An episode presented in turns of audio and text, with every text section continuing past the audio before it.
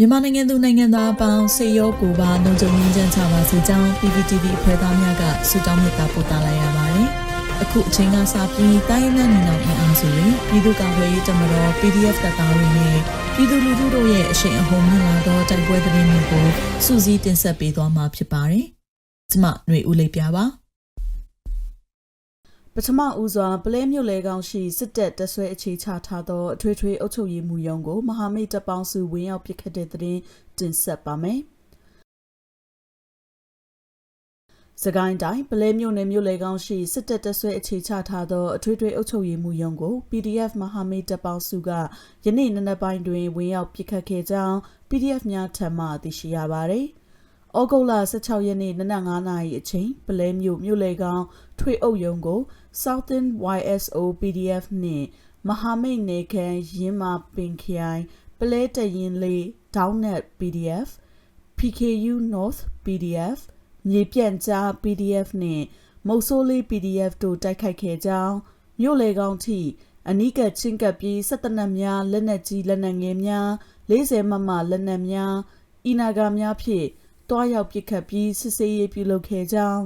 စစ်ဆေးရေးကြောင့်စစ်ကောင်စီဘက်မှတေဆုံးထိခိုက်မှုအခြေအနေမသိရှိရသေးပါဘူးရှင်ဆက်လက်ပြီးပလဲနှင့်ဒဇယ်တို့တွင်တိုက်ပွဲများဖြစ်ပြီးစစ်သား6ဦးနှင့်ပြူစောတိ9ဦးထပ်မံတေဆုံးတဲ့တွင်တင်ဆက်ပါမယ်။စကိုင်းတိုင်းပလဲမြို့နယ်အင်ပင်တီကျေးရွာရှိစစ်ကောင်စီလက်အောက်ခံ ပြူစောတိပူပေါင်းစခန်းကိုဩဂုတ်လ16ရက်ညနေ6နာရီခွဲမှ9နာရီအထိမြမတော်ဝင်နဂါတက်တော် MRDA တရင်လေးကလက်နက်ကြီး35လုံးနှင့်တွားရောက်ပစ်ခတ်ခဲ့ရာပြူစောတိစခန်းမှအ ਨੇ ဆုံး9ဦးသေသွားကြောင်းမြမတော်ဝင်နဂါတက်တော် MRDA ကသတင်းထုတ်ပြန်ပါတယ်။ ရင်းတိုက်ခိုက်မှုကိုတရင်အနေနဲ့ MRD တရင်လေးဖြစ်ပြီး MOD တရင်အနေဖြင့်ရင်းမာပင်ခိုင်အမှတ်6တရင် MRD မှပြုလုပ်ခဲ့ခြင်းဖြစ်ကြောင်းတိုက်ခိုက်မှုတွေမြန်မာတော်ဝင်နဂါတတော် MRD မှထိခိုက်ထိုင်ရမရှိဘဲဘေးကင်းစွာဆုတ်ခွာနိုင်ခဲ့ကြောင်းဘိုးနဂါဦးဆောင်သည့်မြန်မာတော်ဝင်နဂါတတော် MRD တွင်တရင်လေးရင်ရှိပြီးရင်းမပင်ခိုင်တရင်အမှတ်3အမှတ်4အမှတ်5အမှတ်6တို့ဖြစ်ခါ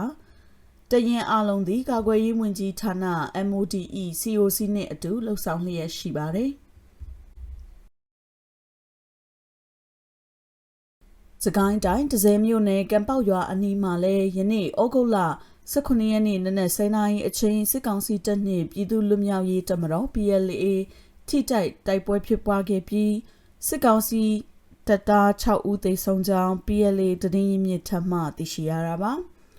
ဒဇယ်ကံပေါက်ကျေးရွာအနီးစစ်ကောင်စီတပ်နှင့်ဖြစ်ပွားသောတိုက်ပွဲတွင်ဒဇယ်ပြည်သူ့ကာကွယ်ရေးအဖွဲ့တရင်6ပါပါဝင်တိုက်ခိုက်ခဲ့ကြောင်းသိရှိရပါသည်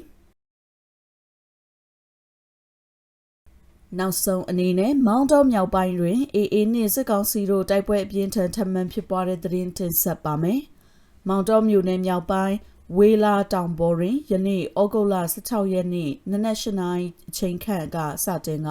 နေ့လယ်အချိန်အထိရခိုင်တပ်တော် AA နှင့်စစ်ကောင်စီတပ်တို့တိုက်ပွဲအပြင်းထန်ဖြစ်ပွားခဲ့ကြောင်းဒေသခံများကပြောပါရယ်တိုက်ပွဲအတွင်းစစ်ကောင်စီတပ်မှလက်နက်ကြီးလက်နက်ငယ်များဖြင့်ပစ်ခတ်ခဲ့သည်ဟုအမည်မဖော်လိုသည့်မိတိုက်ကျေးရွာသားတအူးကဆိုပါရယ်၎င်းတိုက်ပွဲဖြစ်ပွားရာနေရာသို့တောင်ပြိုရာနေချဆောင်စခန်းမှလက်နက်ကြီးများ ယနေ့ညည၄နာရီအထိမကြာခဏလက်နက်ကြီးများဖြင့်ပစ်ကူပေးနေကြောင်းတင်မောလှကျေးရွာသားတအူးကပြောပါရယ်ယနေ့တိုက်ပွဲဖြစ်ပွားမှုနှင့်ပတ်သက်၍ရခိုင်တပ်တော် AA ဘက်ကတစုံတရာထုတ်ပြန်သေးခြင်းမရှိသလိုစစ်ကောင်စီဘက်ကလည်းထုတ်ပြန်သေးခြင်းမရှိသေးပါဘူး။